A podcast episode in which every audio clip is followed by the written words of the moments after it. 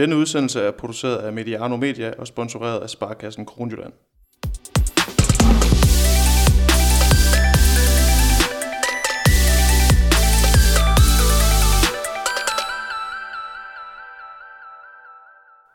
Hej og velkommen til. Mit navn er Emil Halkier, jeg er journalist og har i dag pakket det lille intermistiske podcast laboratorie ud i Rigskov, lidt nord for Aarhus, hvor jeg har sat øh, dig, Peter Bredstof Larsen, i stævne. Øh, tak fordi du har tid og lyst til at mødes med os, Peter.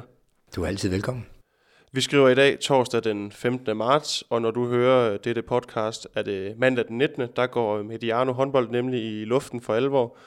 Og den næste times tid, der vil jeg i selskab med Peter Bredstof Larsen øh, tale om nogle af de ting, man måske ikke snakker så meget om, øh, når man snakker om håndbold. Vi skal snakke om ledelse og kommunikation, kontinuitet, og hvordan man øh, bygger en, en vinderkultur op i en håndboldklub.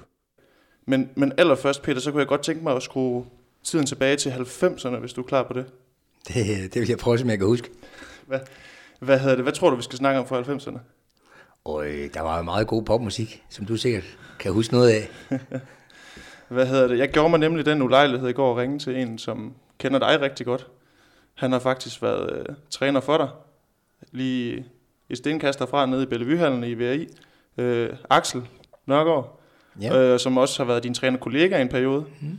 Og så kom der egentlig noget ny information frem for mig, at nu siger du selv, det kan være, det er alderen. Jeg er jo ikke så gammel. Mm. Øh, men du har A-landskampe på CV'et. Ja, jeg tror, du skal passe på med flertal. Eller A-landskamp så. Men der var tilpas med, med afbud øh, på et bestemt tidspunkt, som gjorde, at jeg kunne blive... Øh, kan, altså, jeg fik titlen landsholdsspiller. Og spillede uafgjort mod, øh, mod svenskerne, der senere gik hen og blev europamester der. Ja, det var jo ikke så mange forundt at få den oplevelse. Og jeg har heller ikke... Øh, altså, jeg har jo også øh, scoret mål på landsholdet, og har ikke øh, prøvet at brænde. Så jeg stod ved en skillevej. Det er med en kamp og et skud og et mål. Altså, skulle det blive til flere hundrede landskampe, eller skulle jeg søge nye veje? Og, ja.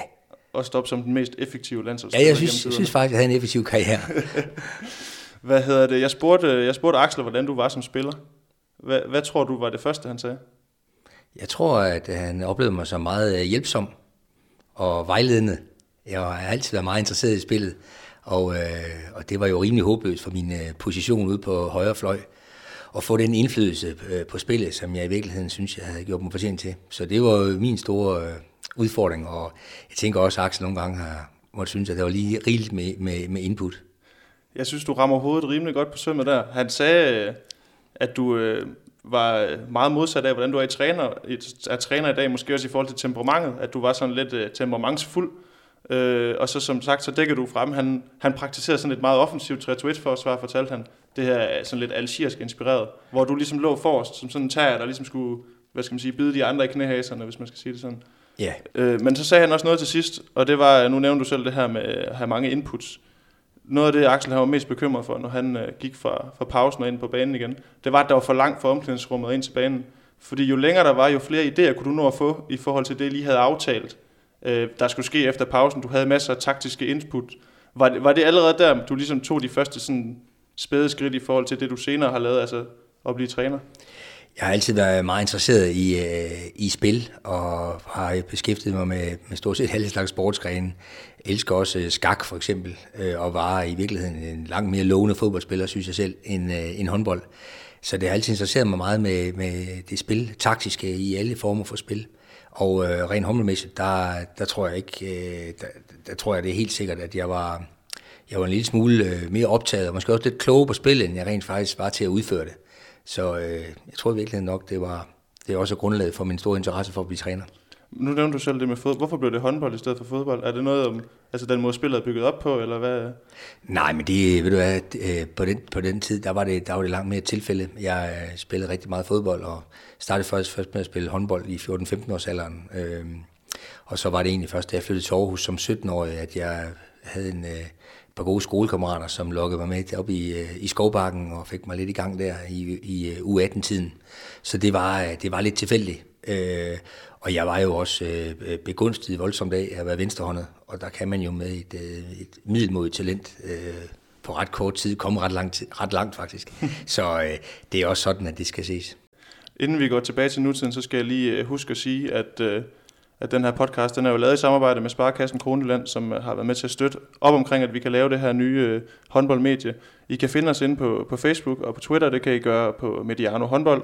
Og hvis I skal øh, bruge et, et hashtag til at komme i kontakt med os, så øh, kan I bruge hashtag på vej. Peter, jeg tænkte, at nu har vi også talt lidt om det i vores snak, inden vi gik i gang, at vi skulle snakke om vinderkultur. Øh, og jeg synes, det giver, det giver bedst mening at tage udgangspunkt i der, hvor du er i dag, nemlig Bjergbro Silkeborg. Øh, jeg læste et sted, at det tager 21 dage at ændre en vane. Øh, og hvis man sætter det lidt på spidsen, kan man så sige noget om, hvor lang tid tager det at ændre en kultur i en håndboldklub? Ja, men det tror jeg ikke, der er nogen, der kan sige noget bestemt om. Øh, men der er ingen tvivl om, at det er, det er jo en, en vigtig del af at få det hele til at fungere. Det er, at, øh, at øh, man får arbejdet med og, og få udviklet en kultur, som, øh, som giver de bedste forudsætninger for også at kunne lykkes på banen og, og, og lykkes med nogle gode resultater. Men, men skal der være nogle bestemte forudsætninger til stede, før man kan ændre en kultur? Altså kan man bare gå ind, komme ind for højre og ændre en kultur, uden at have nogle bestemte forudsætninger? Øhm, der er i hvert fald nogle øh, rigtig fine ting øh, i Bjerringbro Silkeborg, som var grundlaget, øh, som jeg, da jeg startede. Øh, en klub med en fantastisk øh, stabilitet og kontinuitet i, øh, i organisationen, øh, og ikke mindst blandt øh, de store sponsorer også, men også blandt mindre sponsorer. Så hele den her øh, kreds af meget lojale, også de 70 frivillige for eksempel, øh, der altså var et, øh, et meget sådan, øh, øh sådan øh, billede på den her kontinuitet og den meget sådan stabile grundlag for at lave nogle gode resultater. Så man kan sige, at forudsætningerne var rigtig gode i Bjergenbo Silkeborg, synes jeg, da jeg, da jeg startede dernede. Nu nævner du selv kontinuitet, og det er jo også øh, i, mit, i mit virke som sportsjournalist et ord, jeg har stødt på, som det, det er måske blevet lidt sådan et buzzword i nogle øh, sportsgrene, at, at vi søger den her, vi er på jagt efter kontinuitet. Mm. Altså, det, er jo, det virker til at være noget, som folk rigtig gerne vil have, om det så er på banen eller i baglandet, det kan vi jo, det, det kan jo være noget, komme ud på et, men, men er det noget, man sådan kan, altså man kan jo købe sig til dygtige spillere på papiret, men kan man også købe sig til kontinuitet, kan man gøre nogle ting, kan det fremavles på en eller anden måde? Ja, men det er klart, at det, øh, det er jo også en del af det at have en, øh, en øh, skal vi kalde det en vinderkultur, at du, du også bevarer noget kontinuitet på, på spillere, ja, og, og gerne også på trænersiden, sådan at man netop får et, et ordentligt udbytte af det store arbejde, man egentlig går og gør hver eneste dag. Der er rigtig mange detaljer og finesser, små og store, som man jo får udbytte af at være sammen med eneste dag om, om det. Så øh, og så handler det selvfølgelig også om, at man øh, på rekrutteringssiden øh, få, få ramt ramplet og få gjort sig nogle fornuftige overvejelser om, hvordan øh, man kan sammensætte hold. Øh, der har vi jo set masser af eksempler på i sportens verden. Øh, også øh, i, øh, på sportshold med, med rigtig mange midler, ved vi også for fodbold for eksempel, at der kan jo, der kan jo, der kan jo sagtens, det kan jo sagtens gøres, øh, så det ikke virker. Øh, men man kan jo også gøre det, så det kommer til at virke. Og det øh, tænker jeg er, det er jo en af, af mine, har altid været en af mine store øh, opgaver, men også en, en stor passion, at, øh, at, øh, at se, om ikke vi kunne øh, få sammensat et hold af, af, af, af dygtige profiler, personligheder, som også kan, kan indgå i et, øh, i et team. Øh, og der er ingen tvivl om, at en stor del af evalueringen af, om jeg lykkes, det er jo i virkeligheden min evne til også at pege på de rigtige spillere. Men kan man snakke om, at, at, at utålmodighed, så, eller utålmodighed, kan det så også være en af de største faldgrupper i, i jagten på succes? Altså at man bliver utålmodig. Nu snakker vi om, om fodboldklubber, der poster milliarder af kroner i, i at hente dyre fodboldspillere. Altså det er vel også en, en utålmodighed i forhold til ikke at ville vente på kontinuiteten? Jamen, det er der ingen tvivl om, at øh, det, det, kræver også, øh, det kræver også noget tålmodighed. Det er der slet ingen tvivl om, at man øh, har, har, giver sig tid til også at, at, at vente, på, øh, vente på de rigtige muligheder. Øh, så, øh, så summa summarum, så er det fuldstændig altafgørende, og øh, at, at, vi får, øh, at vi får sammensat, rekrutteret øh, de rigtige, lidt i situationstegn, spillere. Da du øh, i 2014 ligesom får overdraget nøglerne, hvis man bruger det billede til, til Bjergbro Silkeborg og din øh, cheftræner post, øh, der var det jo en klub, hvor der var tomt i pokalskabet. Øh, der er så sket noget siden, heldigvis for jer. Øh, men kunne man mærke på den klub, du kom til, øh, på baglandet, på spillerne, at øh, nu snakker vi også om det lige inden vi gik på, at året inden du kom til, der havde man jo lige et, et resultatmæssigt dyk. Kunne man mærke, at der var, hvad skal man sige, et eller andet, der manglede der stadig den her kronjuvel i samling, den her DM-guld-titel? Jamen, ja, det er der ingen tvivl om, at det var det, man hidede efter. Øh, og det var også det, omgivelserne jo øh, mest øh, spurgte ind til. Det var jo den der manglende pokal.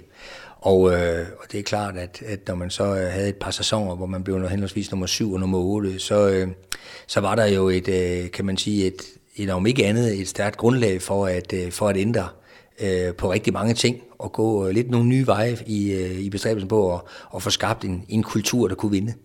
Øh, fordi som sagt, øh, hele basis var jo i orden og havde været det alle årene i, i Bjergbro Silkeborg med en fantastisk opbakning på sponsorside og tilskudsside osv. Så, videre. så, så det skal vi jo huske her. Kontinuitet var der jo. Øh, platformen, grundlaget var til stede for at kunne for at kunne etablere, reetablere, kan man sige, Bjergbro Silkeborg i toppen af dansk håndbold. Og så, så sker der jo også noget på mandskabssiden, da du kommer til. Der er blandt andet øh, to herrer, der, der vender hjem fra, fra udlandseventyr. En øh, Søren Rasmussen og en, og en Michael V. Knudsen, øh, som jo øh, også på daværende tidspunkt, øh, uden at forklare dem, er, er oppe i alderen rent håndboldmæssigt, men stadigvæk har masser at byde på. Øh, er, det, er det, da du sætter dig ned og kigger på holdkortet og tænker, hvordan vinder vi guld, er det så nogle af de der, hvad skal vi sige, søjler, hvor du tænker, jeg skal have dem her på plads, før vi kan nå hen til, til slutmålet for sæsonen, eller næste sæson? Jamen det er klart, øh, allerede fra, fra cirka september 2013, hvor jeg bliver ansat, der, der, der går man jo i gang med det stykke arbejde, der er for sammensat det hold, øh, som, jeg, som jeg skulle være cheftræner for. Og øh, der er det rigtigt, at øh, det var vigtigt for mig jo at få, øh, som sagt, rekrutteret øh, profiler og personligheder, som kunne indgå i et team, hvor, øh, hvor vi havde for, det, for, det fornødende grundlag for at kunne vinde. Og øh, der var det jo... Øh, øh, det var oplagt øh, for mig jo at, at pege på, øh, på Michael Knudsen og også Søren Rasmussen, som jo var en, lidt, et, et, lidt et par, fordi de begge to måske var lidt på vej hjem fra Flensborg. Søren havde jo arbejdet sammen med mange år også i, i OB og på landshold, og også Michael Knudsen jo i mange år på landshold, og vidste præcis, hvad de stod for. Og, øh, og de udover at være nogle meget store personligheder, og øh, så, så er det også et par personer, som jeg også tror er vigtige for at kunne, for at kunne vinde, nemlig at de havde prøvet at vinde det er også en del af, af tror jeg, at, øh, af recepten. Øh, så få to øh, så store personer ind, som, øh, som kender spillet fra A til B, og, og står for de rigtige værdier, og står for den rigtige kultur øh, på og uden for banen, jamen det, det, var, det var nogle meget vigtige, kan du sige, brikker i, i at få sammensat det her nye Bjergenbro Silberhold. Men hvordan, altså når man siger, at der kommer to spillere hjem, som har været vant til at vinde, så de har jo prøvet at vinde, hvordan bliver man, holder man dem motiveret? Fordi der kan jo også være, at det fiser ud, at de måske mister den her gnist, som jo gør, at man mm. er, er dygtig, en dygtig håndboldspiller. Altså, hvordan holder, holder du dem oppe? Altså, og nu tænker jeg også, nu har du til den her sæson fået en Jesper Nødes på hjem, som jo også har vundet alt, hvad der kan kravle og gå i, i håndboldregi. Altså, hvordan holder man dem skarpe? Jamen, det er en del af deres personlighed, at det er egentlig ikke en opgave, jeg har. Okay. Øh, det, er, det, ligger, det ligger implicit og som en selvfølgelighed for dem at øh, de hver eneste dag arbejder lige så hårdt, som de gjorde øh, for rigtig mange år siden. Øh, og det var der også, øh, man skulle da lige overtale øh, nogle af de lokale i Bjergbro Silborg til at, at øh, forstå mening i, at, at Knudsen og Søren Rasmus, som trods alt havde en relativt høj alder, da de startede hos os, at de sådan skulle på, øh, på længerevarende kontrakter. Men, øh, men øh, ja, selv nu her på fjerde sæson, øh, øh, har de jo vist, hvor, hvor store personligheder de er, og spiller jo stadigvæk på et meget, meget højt niveau, øh, selvom de jo selvom de jo heller ikke er blevet yngre. Ja. Altså det er jo klart, at du bliver, du bliver målt på mange parametre, og det her med, og de resultater, du leverer, det er selvfølgelig også et af de, eller det vigtigste parametre for en klub, som, som gerne vil vinde. Øh, og når du går ind til en sæson med BSV, så går I jo ind for at vinde guld, og når I går på banen, så er det for at vinde. Og det er også i, ofte, i langt de fleste tilfælde, der forventer man også, at I vinder. Øhm, når man har den her, hvad skal man sige, resultatorienterede dagsorden, altså hvor man skal vinde de her titler, er der så nogle, nogle områder på udviklingsdelen, hvor man må gå på kompromis? Altså man kan sige, øh, øh, vi, vi har selvfølgelig et enormt resultatfokus i, øh, i en klub som vores, øh, men det lykkes ikke, øh, uden at vi faktisk hver eneste dag har øh, det allerstørste fokus på vores præstationer og de indsatser, som der skal til for, at vi kan gøre os fortjent til at lykkes. Øh, resultatet kommer jo i den anden ende, men vi har jo stor respekt for, at, øh, at øh, vi selv på baggrund af store præstationer sagtens kan komme ud for at tage øh, og også godt kan vinde med lidt øh, ringere præstationer. Så det vi arbejder med hver eneste dag, det er jo faktisk at udvikle vores præstationer og vores indsatser. Så øh, det gør vi altid i det perspektiv, at vi skal vinde, når vi spiller kamp. Øh, men derfor så har jeg også fortalt, at selvom du aldrig kommer til at høre mig bruge ordet proces, så er der rent faktisk rigtig mange ting i gang på sådan en håndboldhold, netop for at skærpe stort og småt, individuelt og kollektivt, for at gøre sig klar til at vinde. Så øh, der, jeg synes faktisk, at vi har et enormt udviklingsfokus øh, i dagligdagen. Men hvad, nu, nu har vi de her, en Jesper Nødesbo, hvad, hvad, kan man, hvad kan man sætte sig ned og sige, Jesper, du skal blive bedre til det her og det her? Altså, hvad, hvad er der tilbage af, af udviklingspotentialer hos, hos spillere, der trods alt er, er nået til den del af deres karriere? Jamen, jeg synes faktisk, at det er, det er fantastisk spændende. Øh, for eksempel med Jesper Nødsbo, at han jo igennem en lang, lang periode jo ikke har været forsvarsspiller. Og øh, nu øh, for eksempel bare i mandags i Tisted spiller en meget central rolle øh, i vores forsvarsspil, Øh, og, og også er med i den anden ende af banen, har fået, øh, kan man sige, en, øh, en relativt sen håndboldalder, nogle, nogle nye opgaver. Og jeg synes også, det har været spændende at, Øh, for eksempel i forhold til Michael Knudsen, som heller ikke er den samme type spiller, som han var for 10 år siden. Øh, der synes jeg også, det er spændende at vide med at arbejde med at, at tilpasse, skræddersy øh, opgaverne til de spillere, vi har, øh, som øh, stadigvæk kan rigtig meget, men jo ikke kan det samme, som de kunne for 10 år siden. Så øh, det, det synes jeg egentlig er, er, er svaret på det. Altså, det er en dynamisk øh, proces. Det er noget, vi arbejder med hver eneste dag. Det er jo at, at designe øh, og sætte nogle opgaver sammen til de spillere, der er, som passer til deres kompetencer. Så det stopper ikke. Det udvikler sig bare hele tiden. Og det er, vel, er det så, når man, ligesom, øh, hvis man ikke har øje for udvikling, er det så også der, hvor man ligesom går hen og, og, og, og taber det på gulvet, altså det her med at kunne vinde? Altså, skal man, hvis man nu stopper med at tænke i udvikling, har man så ligesom givet for tabt på forhånd et eller andet sted?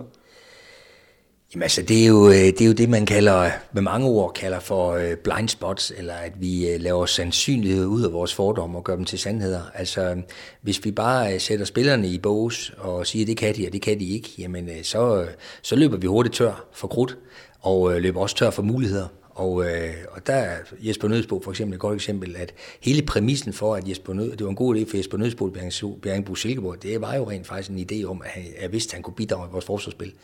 Så hvis ikke det lykkes, så, så vil vi faktisk have en udfordring, fordi det er meget nødvendigt. Så stor en truppe er vi heller ikke. Øh, og det, er bare, det synes jeg bare er fantastisk at se øh, ham for eksempel nu også være en, øh, en vigtig brik i den her bane.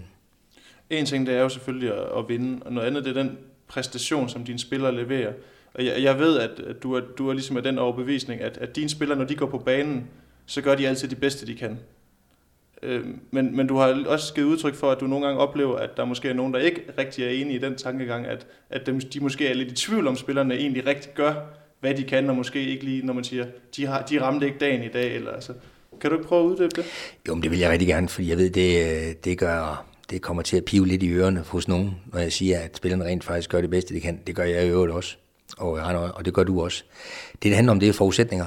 Og øh, det vi så arbejder med hver eneste dag, det er jo faktisk at skabe de bedst tænkelige forudsætninger for, at den enkelte spiller og for at holdet øh, øh, lykkes med at øh, lave toppræstationer. Og det handler om uendelig mange ting, fordi øh, lykkes de på det samme høje niveau hver eneste gang? Nej, det gør de ikke. Men det er det, vi arbejder på, men der er meget store forskel på forudsætningerne. Først og fremmest handler det selvfølgelig om, at de har nogle opgaver, som de rent faktisk har kompetencer, altså forudsætninger for at løse. Men det kan også være, øh, der kan være rigtig mange ting, der spiller ind at, øh, at forudsætningerne er bedre eller lidt ringere en anden dag. Det kan jo handle om, at nu har vi nogle stykker, der har fået både et barn, og nu også har prøvet at få to børn. Jamen, det betyder noget for hverdagen, og den rytme, der er derhjemme, og, og det, man også skal ud over at spille håndbold, ja, det kan sagtens øh, komme til at blive en forstyrrelse. Der kan være noget med noget sygdom, der kan være noget med noget form, top, form, nedgang.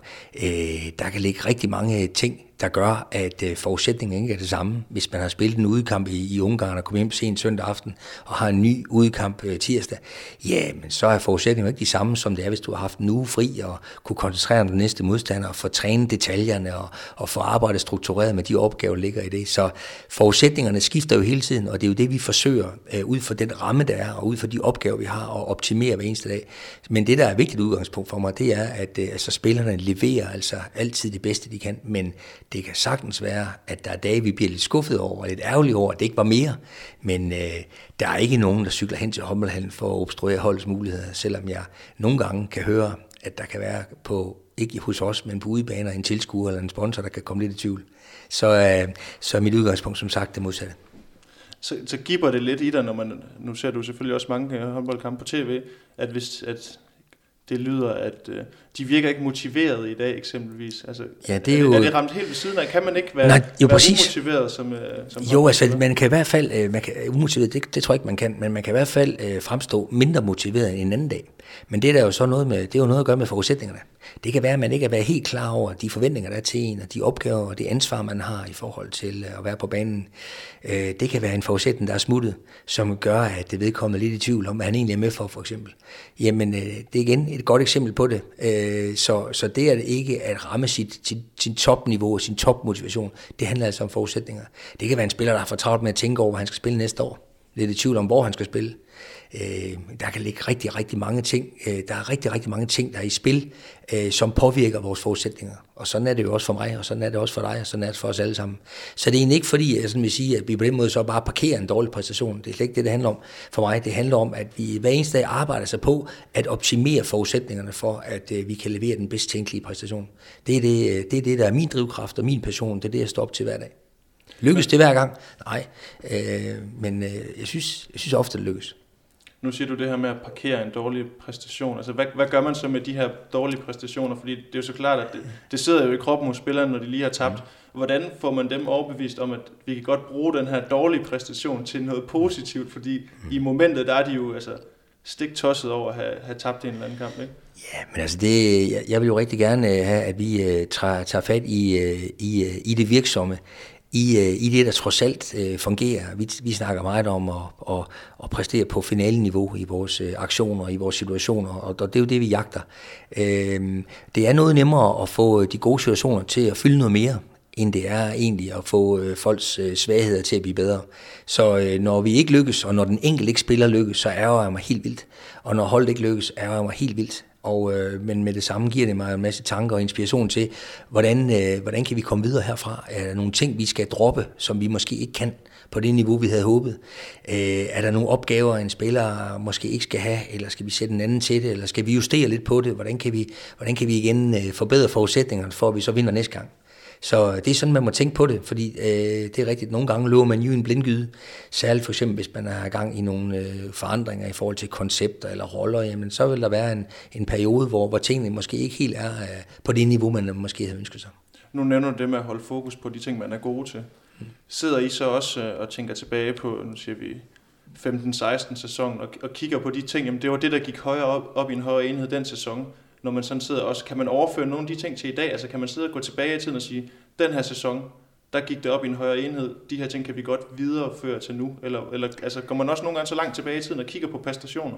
Jamen altså, jeg, jeg, øhm, jeg håber jo, at, at, at øh, mine spillere oplever, at vi har stor kontinuitet i den måde, og tilbage til ordet kontinuitet, altså kontinuitet i den måde, vi arbejder på. Øh, vi arbejder øh, nogenlunde øh, ens og kontinuerligt med tingene, øh, altså før, under og efter kamp, eller før næste kamp. Og, øh, og det vil sige, at vi har, uanset om vi har vundet, og om vi har vundet mange gange i træk, eller om vi har tabt en sjældent gang, så arbejder vi lige struktureret og lige fokuseret på vores øh, præstationer. Øh, selvfølgelig med små udsving, også afhængig af, øh, om, vi har, om vi har mange kampe og så videre rejser. Men, øh, men jeg tror ikke rigtig meget på kontinuitet. Altså det, at, øh, at øh, jeg håber, at mine spillere oplever, at vi, øh, vi, øh, vi, øh, vi, vi overjubler ikke, når vi vinder men, øh, men vi går heller ikke helt i kælderen, fordi vi tager. Vi holder fokus på, øh, på vores præstationer og på det at komme videre og, og hele tiden at forsøge at ramme det her finaleniveau, vi, øh, vi så endeligt jagter, også i den her sæson. Når du, når du sidder og, og tænker på, hvordan kan vi ramme det her finale-niveau, og sidder og arbejder med, med dig selv som træner, og tænker, hvordan kan jeg udvikle mig selv som træner, kigger man så også i, over i retning af andre sportsgrene, altså når man skal lade sig inspirere Ja, det synes jeg bestemt. Der, jeg synes altid, det er spændende at, at kigge også på andre, på andre idrætsgrene og få inspiration også øh, fra, fra andre trænere. Øh, og jeg forsøger også en gang imellem at se, om vi kan, om vi kan inspirere spillerne lidt. Vi har da forsøg, haft besøg af en, en, en dygtig brydelandstræner, og øh, også haft besøg af Andreas Knappe, ja, det kunne jeg se øh, amerikanske fodboldspillere for nylig også, øh, øh, som, øh, som sådan inspirationer til, øh, at tingene, øh, hvordan tingene bliver grebet an i andre, i andre sportsgrene. Så øh, jo, jeg synes, øh, man skal konstant være på vej. Øh, ikke nødvendigvis for at forandre verden hele tiden og for at forandre det, men, men hele tiden for at, også at, at blive bekræftet i, at det man foretager sig er på, øh, på så højt niveau, man overhovedet kan tænke sig til lige nu. Velvidende om nogle år, så vil man jo stadig have fundet på nogle ting, man synes, der kunne blive en lille smule bedre, og sådan er det jo. Det stopper jo ikke. Så det er igen den her kontinuerlige øh, fokus på at, øh, at blive dygtigere. Der er jo selvfølgelig nogle krav til dig som træner, sådan rent kommunikativt. Altså du skal jo have nogle evner, du skal jo få en håndfuld spillere til at løbe fra A til B, eller gøre øh, x-opgaver øh, og løse x-opgaver. Hvad kræver det egentlig af spillerne i dag at være med? Altså kræver det også nogle, nogle kommunikationsfaglige redskaber hos dem, at de ligesom kan være med på det her niveau? Ja, der har, der har spillerne jo også meget forskellige forudsætninger. Der er jo nogle af spillerne, der er meget øh, dygtige og meget optaget af, af også at kommunikere, og så er der nogle, øh, hvor de vil egentlig helst være fri. Øh, sådan er det, og det skal der også være plads til. Men jeg tror, sådan over en bred kamp, skal vi stadigvæk tænke på vores sport som, som en sport, der er under udvikling. Altså hvis nu refererer du tilbage til 90'erne, hvor vi jo stadigvæk hvor vi jo stadig betalt kontingent øh, to gange om året, øh, tror jeg, det år, hvor vi vandt bronze i VI i 93-94. Øh, så, øh, så siden da og til nu er der jo sket rigtig meget, og det vil der også ske i fremtiden. Så, så det at professionalisere sin praksis øh, og sin individuelle tilgang, men også øh, som hold og udvikle det, det, det stopper ikke. Hvor er, hvor er udviklingen på vej hen, hvis man kigger på dansk håndbold? Altså det her produkt, vi har, er det, er, har det været i, i, nu nævner du 90'erne, altså bliver det bedre og bedre for hvert år, eller hvordan synes du, det ser ud? Øhm, jamen altså, der er ingen tvivl om, at der er jo, der er jo sket øh, vanvittigt mange øh, fede ting i dansk håndbold. Altså, der er jo så mange ting, der er blevet professionaliseret, og, og, øh, og vi, jeg synes, det efterhånden vi er blevet en sport på et meget højt niveau. Men, øh, men det stopper ikke her, jeg er sikker på. Jeg synes stadigvæk, at vi ser sporten i, i fuld firespring. Vi ser øh, flere og flere podcast, og vi ser flere og flere øh, øh, seere til kampene. Vi ser flere tilskuere i hallerne. Øh, øh, for mange vedkommende også øh, hele tiden med bedre og stærkere økonomier. Øh, så jeg ser egentlig kun en masse gode ting, øh, der peger i den rigtige retning for dansk håndbold. Øh, Axel, som, som jeg jo nævnte tidligere, han, han er jo en mand, der kan snakke. Han kan snakke i lang tid. Mm. Og han, øh, han fortalte blandt andet også lidt omkring din ledelsesstil og filosofi. Og så sagde han, at han har, han har flere gange sagt til dig, at du skulle ændre initialer til JA. Altså at du var meget ja-orienteret. Altså at du altid så muligheder frem for begrænsninger.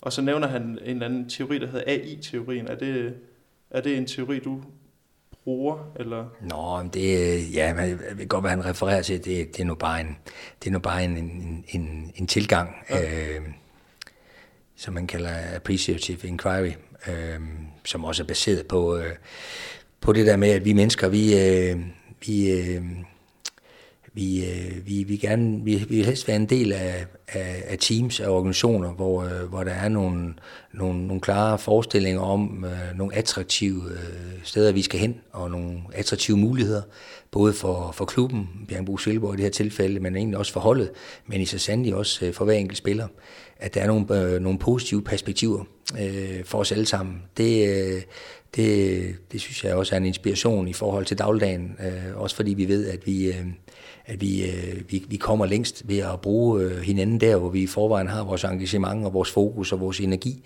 Jamen det er der, vi også får en masse ansvarlighed og, og lyst til også at, at stå op en time, før vi går i seng og, og, og, kæmpe, og kæmpe lidt ekstra for holdet. Så, så for mig øh, er det også en inspiration til, at, at den her gamle Barcelona-filosofi om klubben før holdet, før spilleren, den tror jeg egentlig ikke helt på. Jeg tror selvfølgelig på klubben, øh, først og fremmest for holdet, men jeg tror egentlig også meget på, at øh, spillerne og holdet er nogle parallelle størrelser. Øh, jeg synes, at, øh, at det er fantastisk at opleve, når spillerne får øh, den bedst tænkelige karriere. Øh, men det bliver aldrig på bekostning af holdet. Øh, men det bliver heller ikke omvendt. Så, så en parallelitet i det, at tingene følges ad, at, at spillerne oplever, at de, de lykkes øh, sammen med holdet, øh, og deres unikke bidrag, øh, bidrag til holdet, men at de også får tilsvarende rigtig meget igen, og får så god en karriere, som de overhovedet kunne forestille sig. Så øh, jo, så der er jo forskellige inspirationskilder. Der er jo, de fleste er jo nok klar over, hvordan håndboldspillere dygtiggør sig. Altså. Det handler om at passe sin træning og, og gentagelser og kontinuitet. Vi har talt om det.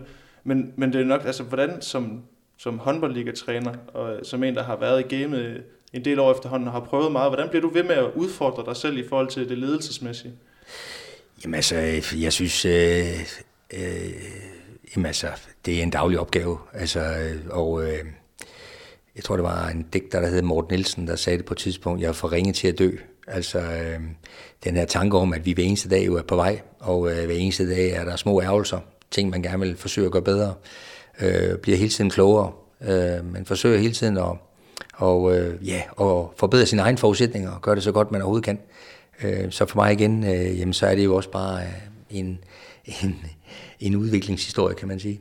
Men er det, er det, altså det her med udvikling, er det som du, når du for nylig fortæller, at du har, har taget en MBA i, i organisatorisk læring og coaching. Er det sådan nogle ting, man gør, altså for ligesom hele tiden at holde sig selv ind og skærpe, og ikke at udvikle og ikke afvikle sig selv som træner? Ja, altså øh, nu har jeg været heldig at være med i rigtig mange år, og har vel nu efterhånden en, en 12-13 år nu som fuldtidstræner, ikke? Og, øh, og øh, der har altid været vigtigt for mig at få også nogle andre inspirationer end, end, end, end blot Harpix.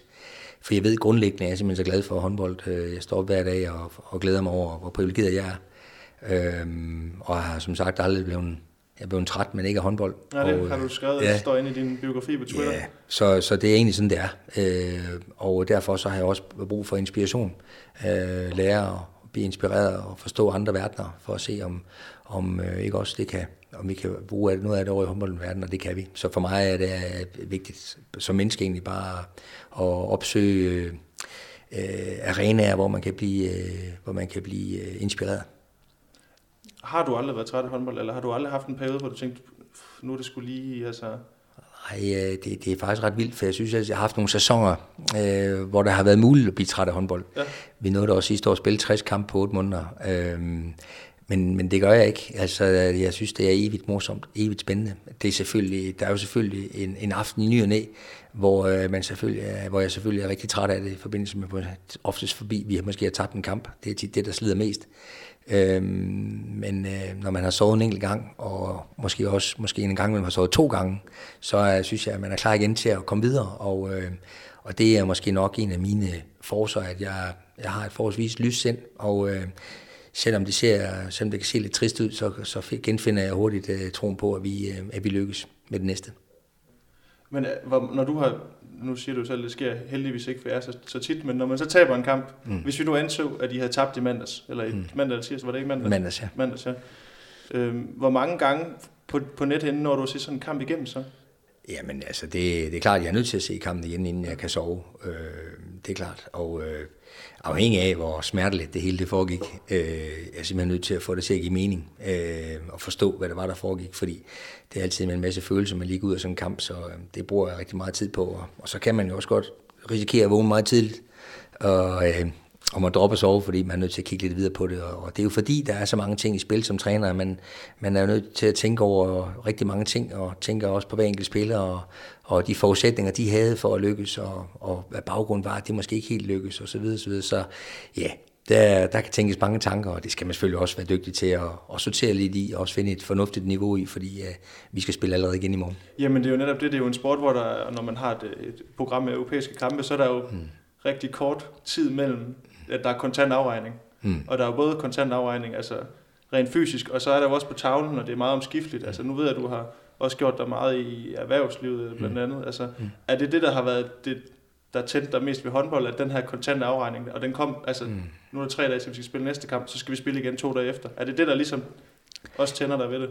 Ja, men der er jo en eller anden form for, der er jo en eller anden form for afhængighed i det. Altså os, der har med det at gøre, jeg synes, det er fantastisk, at der skal til kamp. Og jeg synes, det er fantastisk spændende, og, og, og den periode, der er mellem kampene. Både det at komme ud af en kamp og komme videre til næste kamp, det er en evigt spændende øh, cyklus, øh, som man forsøger hver eneste gang at optimere og få til at lykkes på allerhøjeste niveau. Og, og alligevel hver eneste gang, jamen, så er der jo ting, man godt kunne have gjort en lille smule anderledes. Så øh, det er jo noget, der man aldrig bliver færdig med, og det er nok det, der også giver øh, den der, øh, den der inspiration til og lyst til hele tiden at arbejde videre der har været, der er jo meget snak naturligvis omkring talentudvikling, rent spillermæssigt i, i dansk håndbold, og jeg ved også, at nu læser jeg, at Niels Asen var ude og skrive en blog for nylig på TV2 omkring, at, at han, han mente, at man var ved at save den gren over, man sad på. Men hvad med i forhold til det her med træner? Altså nu, nu snakkede vi om, at du havde haft en lille, lille træner i maven allerede dengang, hvor du gik for omklædninger ind på banen og kom med en masse idéer. Er man god nok til at også at kigge på, at vi skal udvikle dygtige trænere i Danmark? Jeg synes faktisk, at vi har øh, vanvittigt mange dygtige trænere, øh, og det ser vi jo også øh, på international plan. Det lykkes jo mange danskere også at få opgaver i udlandet. Og, øh, og jeg ved også øh, med min gang rundt omkring på, på seminarer og i miljøet, at vi, øh, vi er meget langt fremme. Øh, jeg synes også, øh, for eksempel den danske håndboldliga er kendetegnet ved mange dygtige trænere. Vi spiller øh, meget taktisk, meget opfindsomt håndboldspil i Danmark i forhold til andre nationer. Så, så vi har faktisk rigtig mange dygtige trænere. Jeg synes faktisk, at DHF's uddannelsessystem er, er, er velfungerende, og kan det gøres bedre? Ja, selvfølgelig. Men i forhold til andre lande, der er vi, der er vi meget langt fremme. Jamen, altså, nu, for at tage et, et land som Tyskland som eksempel, altså, hvad er, det, hvad er det, vi er gode til at udvikle, altså sådan rent trænermæssigt kontra hvad det er, de, altså, hvad er det, der er forskel på at være, være dansk træner og tysk træner? Nu nævner du nogle kommunikationsmæssige ting. Nå, men jeg, jeg ved jo ikke så meget om, om tyske trænere, det må jeg skynde mig at sige, men, øh, men jeg synes, danske trænere har et øh, rigtig godt fokus. Vi, øh, de er ofte trænere, der også kommer ud af foreningslivet, har hjertet på det rigtige sted, og passionen er blevet testet øh, igennem foreningslivet, og og øh, der brænder et stort håndboldhjerte, også dem, der kommer ind i de professionelle rækker. Øh, og så synes jeg, der er en, et, et, et stort fokus på, øh, på sådan, øh, den innovative side og den taktiske side. Øh, man insisterer på hele tiden at, øh, at udfordre øh, spillet. Og øh, ja, for eksempel kendetegn ved, hvor stort 7 mod 6 er blevet i håndboldligaen. Det er ikke tilfældigt. Der er andre ligaer, hvor det faktisk ikke fylder så meget. Det er typisk dansk, at øh, hver eneste hold, stort som småt, forsøger at optimere øh, selv de mindste ting. Så øh, jeg tror faktisk, jeg kan sige, at øh, vi er egentlig rigtig, rigtig godt kørende på det område. Nu nævner du selv den her 7 mod 6 regel, det er jo også en, der har været diskuteret rigtig meget. Har, har du egentlig ændret holdning til den fra dengang den kom her til OL i 16 og så til nu? Nej, overhovedet ikke. Det er faktisk blevet, øh, det er faktisk blevet en lille smule værre. Øh, jeg har faktisk gjort, hvad jeg kunne. Øh, nu er jeg ikke så meget i DHF-regi længere, men jeg har forsøgt at opfordre til, at øh, man i DHF-regi fjernede 7 mod 6 reglen i øh, ungdomshåndbold, fordi det giver ikke mening, nogen mening for mig, at ungdomshold spiller 7 mod 6. Det skal vi nok lære dem, når de bliver senior, og jeg synes, det frarøver dem tid på banen, hvor de kunne arbejde med, synes jeg, en masse håndboldmæssige kompetencer, som ikke er i spil i 7 mod 6. Øh, og så har jeg jo svært ved stadigvæk at forlige mig med det øh, øh, på liganiveau. Faktisk så sent som den anden dag øh, nævnte jeg for et par spillere, at øh, nu tror jeg, jeg har fundet noget, der godt kan komme til at afkorte min karriere. For jeg kan mærke, at jeg er, ved at, altså jeg, jeg er en lille smule træt af faktisk at bruge, øh, jeg bruger utrolig meget tid på analyser af 7 mod 6 spil. Vi spiller mod det hver eneste gang efterhånden, og øh, vi bruger meget træningstid på det. Træningstid, som egentlig hænger sådan en lille smule ud af halsen, fordi det er på en eller anden mærkelig måde, og det kan være, det, det er sikkert af mine utilstrækkeligheder, men træning er egentlig rimelig kedelig, fordi 7 mod 6 er i bund og grund rimelig kedeligt det er ikke særlig opfindsomt, det er ikke særlig varieret, og det gør, at det bliver sådan en, øh, det bliver sådan et øh, meget sådan øh, et Excel-ark øh, med nogle faste strukturer og meget få variationsmuligheder. Øh, kan det lykkes? Ja, det kan det. Det er meget anvendeligt, og særligt ser vi jo under, underdoggen have stor øh, gavn af det øh, netop fordi det er et fantastisk spil for underhunden, for der skal tages lidt, lidt marginale chancer, som, som et favorithold ikke vil turde tage. Så, øh, så på den måde er det jo meget brugbart, og de har også givet nogle spændende resultater i ligaen, og vi er også blevet ramt af det et par gange. Øh, men vi bruger en lang tid på det, og jeg synes faktisk ikke, det tilfører ret meget. Ikke mange smil på læben. Så øh, jeg tror endelig, jeg har fundet noget, der godt kunne øh, risikere at afkorte min karriere som håndboldtræner. Ja, man har ikke rigtig hørt nogen ytre sig positivt om det endnu, synes jeg. Er det, altså er det fordi det her 7 6 spil, altså bliver det sådan lidt statisk, sådan lidt ja. for ensformigt ja. eller det bliver sådan en øh, for mig til dig håndbold, øh, baseret på meget simple kompetencer, som at kunne være en dygtig stregspiller, øh, som at kunne skyde, øh, men alt omkring øh, øh, variationen i spillet, øh, duellerne i spillet, krydsene i spillet er fjernet øh, fra det. Øh, så, øh, så det er bare set fra min egen stol. Jeg synes egentlig, det er, det er rimelig sløjt og, øh, og må hele tiden øh, også snive mig selv i nakkehårene og passe godt på, at jeg ikke frarøver mit eget hold en mulighed. Fordi vi bruger ikke 7 6 ret meget, og øh, er trods alt det hold, der har scoret flest mål i ligaen og kan klare os lidt uden endnu. Og, men er det, øh, er det måske sådan lidt, øh, lidt for heldigt ikke at bruge det? Øh, så, øh, men, øh, men øh, jeg ved også, at jeg har et par spillere på holdet, som er særligt motiveret ved tanken om at øh, spille godt angrebsmæssigt, så de undgår at spille 7 6 Fordi at, øh, det, det, det er jo den måde, vi kan holde det for livet hos os. Så stor respekt for dem, der bruger det osv., det er deres, det er deres gode ret, men jeg synes alt talt, det er sløjt, og jeg vil i hvert fald øh, stadigvæk foreslå og opfordre til, at vi får det fjernet for ungdomsophold. Vi skal nok få dem lært at spille 7 6 når de bliver seniorer. Men hvis man kigger på det spillermateriale, du har til rådighed, så vil man jo også tænke, at du har jo måske netop spillerne til at og, og, øh, og snylde på den her regel her? Altså, Jamen, jeg synes ikke, det er snylt. Jeg synes jo bare, at udnyt, øh, udnyt, præcis, altså. folk skal jo bruge de regler, der er. Ja, og nu må vi spille 7 6, så, må der, så skal der jo spille 7 6. Og jeg synes også, at vi har et fantastisk hold til det. Og det var også en del af, af strategien for i år. Vi har også, øh, jeg har også værktøjer, vi har også brugt det, men ikke så meget. Fordi vi egentlig lykkes godt nok med at lave mål øh, uden 7 6. Men, øh, men øh, ja, så, så øh, ikke nogen klagesang fra min side. Det er cool, at folk bruger det, og det er også øh, sket nogle gange at have spillet mod det, fordi det er, det er da interessant for at se underdoggen virkelig give den gas med det her 7 6 nogle gange, og, Og vi øver os hver eneste dag på, at vi kan blive dygtige til at modstå det pres, der kommer via 7 6. Men som sagt, så synes jeg, at det er, det er en, øh, et element af vores spil, som, øh, som, ikke, som, ikke, som, ikke der, som, som der ikke er ret meget underholdning i, faktisk. Men er det sådan lidt, øh, nu har man snakket om, at håndbold har været inde i en, en rigtig fin udvikling også herhjemme. Har, det, har den her regel så været sådan lidt et skridt frem, to tilbage-agtigt for, for seværdigheden i forhold til dansk håndbold? Ja, det synes jeg faktisk. Jeg synes faktisk ikke, at det, jeg synes ikke 7 6 er særlig seværdigt. Øh, både angrebsmæssigt, men egentlig også øh, de der bolde ned i tom mål, eller de der bolde ned i, i lige ved siden af tom mål, som man så sidder og over, står og over. Jeg synes, det er sløjt og trist at kigge på. Der er vel også noget i forhold til spillernes løbebaner, som bliver mere, det bliver ikke så meget til siden, det bliver mere sådan, jeg tænker, de her meget korte, direkte løb og stempel på mellem, mm. mellem to. Øh. Ja, men det er som sagt, som du er inde på, det er meget, meget, øh, det er et meget, meget struktureret spil, og der er egentlig meget marginal forskel på, hvordan de enkelte hold spiller 7 6. Der er vi, der er vi sådan på vej ind i en eller anden konsensus, konceptualisering af, hvor er det stregene står, hvor står de ikke, hvad er variationen i det? Og meget mere end tre forskellige variationer er der faktisk ikke på det. Så øh, det er konceptualiseret allerede. Øh, der er mange, mange dygtige håndboldhjerner, særligt dansk håndbold, der har brugt meget tid på at, på at finde det 7-6-spil frem, som vi ser nu, nu om dagen. Og øh, øh, der kommer stadig hele tiden små nuancer, men, men grundlæggende tror jeg, at vi har strukturerne på plads omkring det. Men kan man finde, øh, nu snakker man, øh, hvis man skulle sige, at 7-6-spillet var en sygdom, altså er der nogen, der har fundet kuren mod det? Altså kan man ligesom Altså kuren er jo... Altså, Ud, det, altså der er jo det er fjernreglen selvfølgelig, men ja. der er jo også det her med at spille mod det, altså kan man... Jamen altså, hvis du... Øh, øh vi, vi forsøger hver eneste dag at blive så dygtige til at spille forsvarsspil mod 7 6, at, øh, at vores modstander må droppe det. Og det handler jo både om at, at få dækket op, spille et, et forsvarsspil på, der, der levner vores modstandere, så marginale muligheder, at det kigger for dem, og så samtidig også være dygtige til at score målene i de situationer, der opstår i de tomme mål. Men, men hvad, hvad, hvad gør I helt konkret i forhold til at skulle løse det her 7 6? Altså, er det at tage en og lægge en af træerne lidt frem og forstyrre den her ellers lette aflevering, som ham i midten vil få, eller hvad, hvad gør man? Jamen, vi arbejder egentlig med sådan en 3-4 forskellige øh, skabeloner og måder at gribe det an på, sådan at øh, alt afhængig af, hvilken type modstand vi efterhånden prøvet at spille mod rigtig mange gange, øh, afhængig af hvilken type modstand vi spiller imod. Der er jo sådan forskellige kompetencer. Der kan være nogen, der er rigtig dygtige til at skyde fra playmaker-posten. Der kan være dygtige vensterbaks, der kan skyde i brede, brede situationer, som man så at sige. Ikke?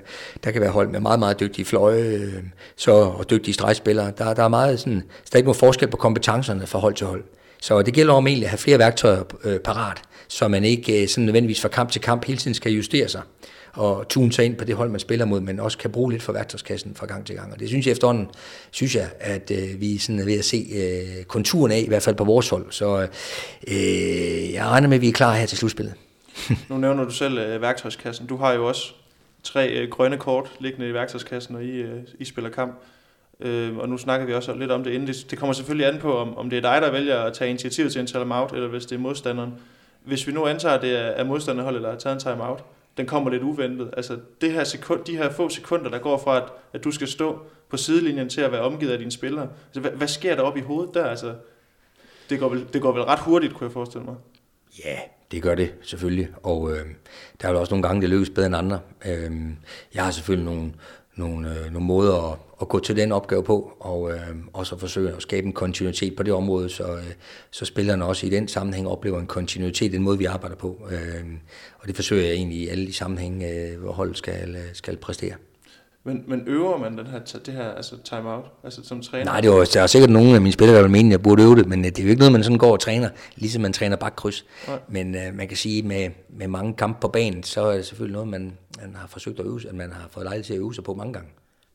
Men øh, det er igen også en opgave, som man aldrig bliver færdig med at, at, at, at dygtiggøre sig i, fordi øh, det er jo meget forskellige situationer, at timeouts bliver taget. Det, der er det skæve timeouts, det er jo egentlig, at det er jo både på og uden for banen øh, bliver anvendt som sådan et, øh, og omtalt som et kriseværktøj. I virkeligheden øh, burde det jo egentlig også være et kort, man kunne bruge, også når der er medgang, egentlig til at forstærke øh, forståelsen af, hvad der foregår, mens vi, mens vi er dygtige. Men det bliver jo som regel brugt i modgang. Og øh, og øh, det synes jeg stadig er værd at tænke over, hvordan vi egentlig anvender de her timeouts, og hvad vi bruger dem til. Ja, så der er vel egentlig, altså, som du nævner selv, nogle udviklingsmuligheder i forhold til det, for man kan jo også bruge det rent psykologisk, ikke? Altså, mm. det her, der er jo så nogen, der er så frække at tage en timeout til sidst, selvom de er, er foran, eller, eller et eller andet, altså kampen måske er afgjort, men man kan jo også bruge den i forske, på forskellige måder. Nu nævner du det her med, at, at ofte, hvis, hvis, hvis du er foran, og modstanderholdet tager en timeout, så jubler dine spillere, fordi yes, Mm. Nu fik vi dem til at tage timeouten. Mm. Altså, Men det, det er jo fordi, med, der er den der selvforståelse, ja. der er den her indforståethed, at det er et kriseværktøj. Det er jo det, der er lidt sjovt ved det. I virkeligheden synes jeg, men, men hvis du tager en timeout, du fører 14-9 og tager en timeout, og modstanderen så scorer to mål, så vil, du jo, så vil det jo blive omtalt som meget dumt, fordi man, man ødelagde rytmen. Men kunsten er vel egentlig at fortsætte den gode rytme, inden det er for sent. Så der ligger mange elementer af det, og, og det er der jo ikke nogen, der har en factlist på. Ja. Men det, er ikke, så, så du, det virker til, at du, du veksler også lidt imellem, om, om det er altså for at sige, det her det gør I rigtig godt, bliv ved med det, eller vi skal have rettet det her til. Altså det veksler lidt, hvornår du benytter dig af det her. Ja, jeg, jeg forsøger også at, at, at, at, at tage en time-out i ny mens øh, tingene går godt. Øh, og det kan jo være, at vi, vi skal være opmærksom på nogle ting, som modstander måske er i gang med, eller, eller der også er brug for, at vi lige minder hende om, hvad det egentlig er, der har skabt succesen indtil videre. Så øh, der kan være nogle forskellige sammenhæng, øh, hvor, men altså igen, det, øh, det er der ikke nogen, der har en factlist for, hvordan man egentlig får det mest ud af en timeout, og det er noget med at finde sin egen måde at gribe det an på. Og så tror jeg igen på kontinuiteten, at der er en eller anden kontinuitet i det. Det tror jeg er rigtig vigtigt, så spillerne oplever en, en vis ro omkring det, og kan bruge også timeouten til, øh, til os selv og, og forberede sig på en ny indsats. Noget af det, som håndbold jo kan, det er at være meget omskifteligt, og det er sådan et meget vekslende spil med forskelligt uh, tempi, og der, altså, der er mange mål og konfrontationer og føringer frem og tilbage. Sætter det nogle særlige krav til, til en træner, kontra hvis man nu tog en anden, en lidt mere statisk sportsgren, måske fodbold, hvor der ikke er så mange scoringer og så meget øh, i løben frem og tilbage på den måde, altså stillingsmæssigt? Jamen det er jo det, der er så øh, hammerende spændende med håndbold. Det er jo, at, er den her omskiftelighed, og at vi også, øh, altså både på individuel plan og på teammæssigt plan, jo kan ændre kampens øh, øh, karakter øh, på meget kort tid. Det er jo, det er jo, det er jo hammerende spændende, og øh, det samme kan jo modstanderholdet, og det sker jo hele tiden, at der er den her omskiftelighed i det, og, og du, skal kunne, øh, du skal kunne forstå situationerne meget hurtigt. Det er faktisk det, der nogle gange gør forskellen på øh, den dygtige spiller, og så den rigtig dygtige spiller, det er egentlig at hele tiden at kunne, øh, kunne se den situation, der kommer. Øh, og øh, det er det, der gør så håndbold særligt spændende, synes jeg.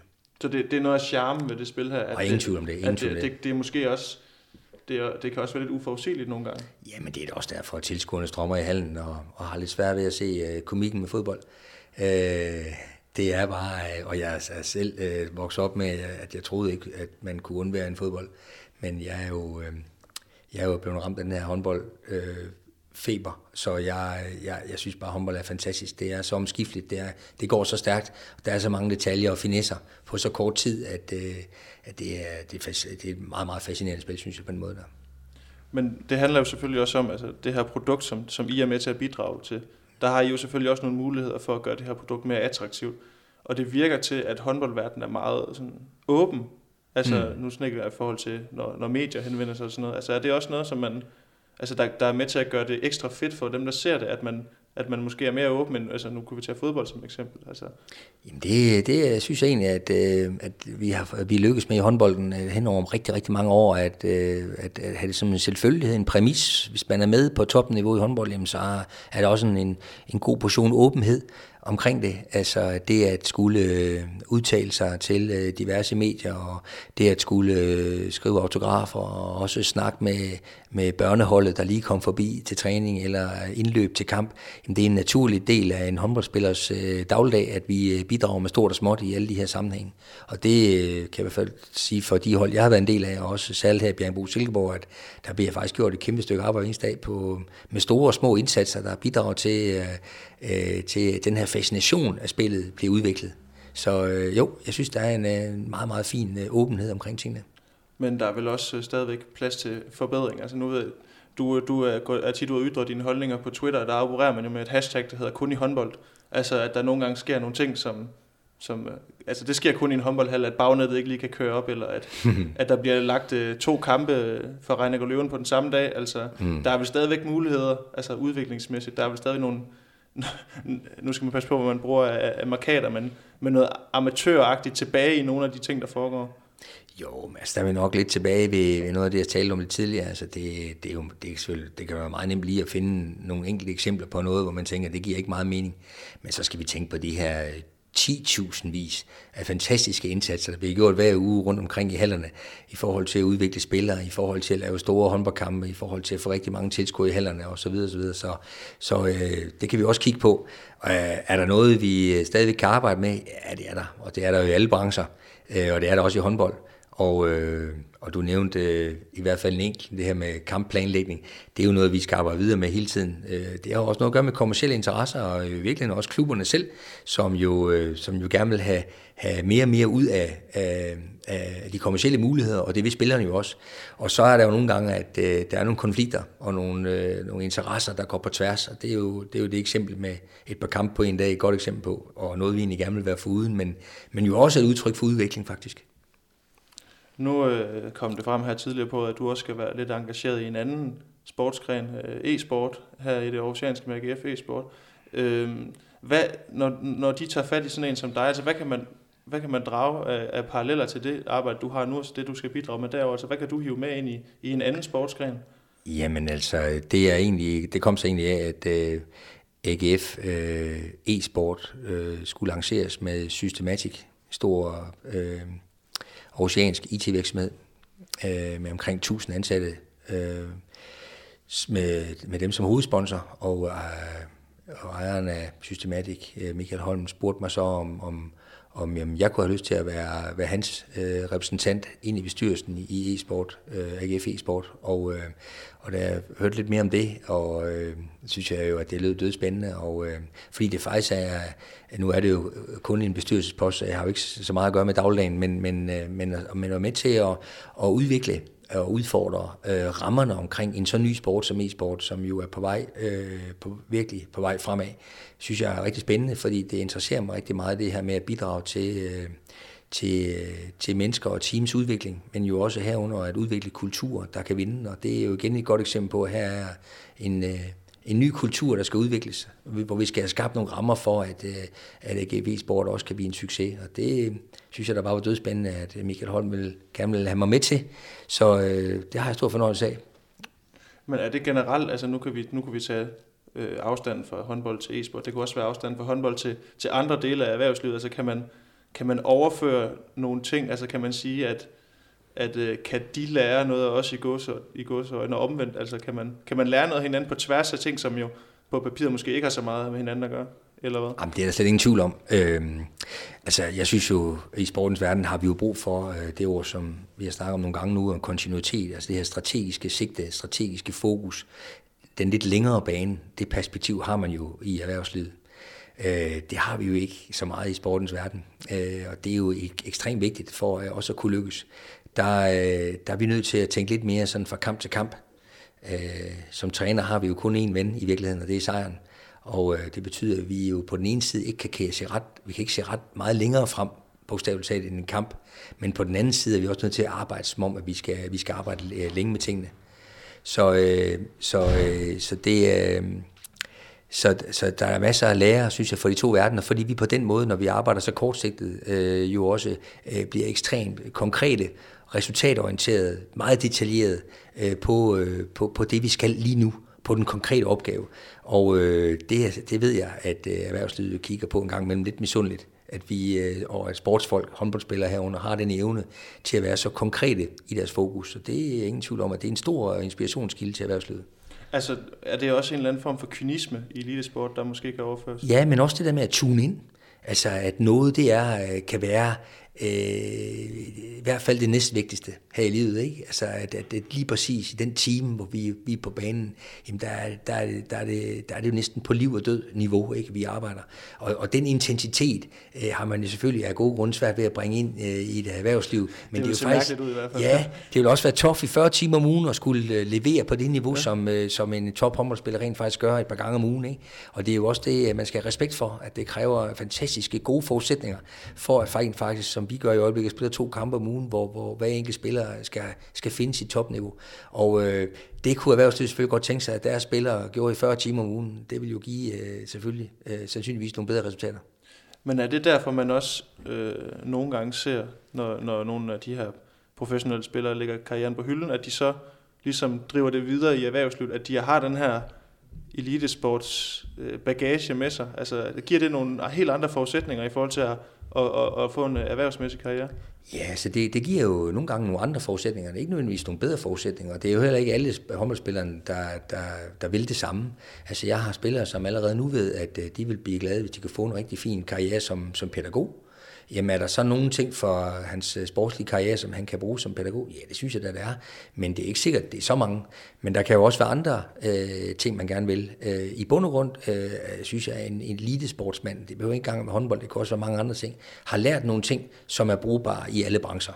Altså øh, den her, øh, den her, øh, det her, den her struktur, øh, kontinuitet i sin dagligdag, øh, det at kunne, kunne fokusere på en opgave, øh, det at kunne øh, øh stå imod et pres, at kunne præstere også under pres, at være, øh, øh, øh, se det som en fordel og en glæde at, at være under pres, øh, at have store forventninger til sig selv og hinanden, og alle sådan nogle størrelser, det er fantastiske, brugbare ting at tage med sig ind i sin erhvervskarriere.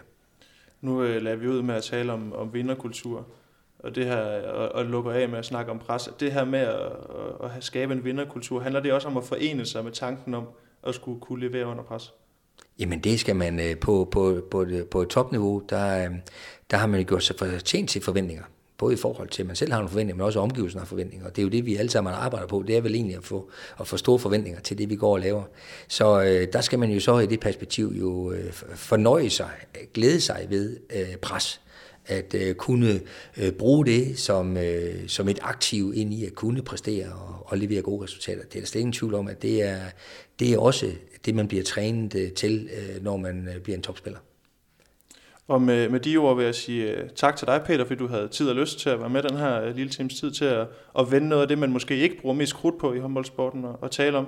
Og så øh, selvfølgelig tak til jer, der har lyttet med.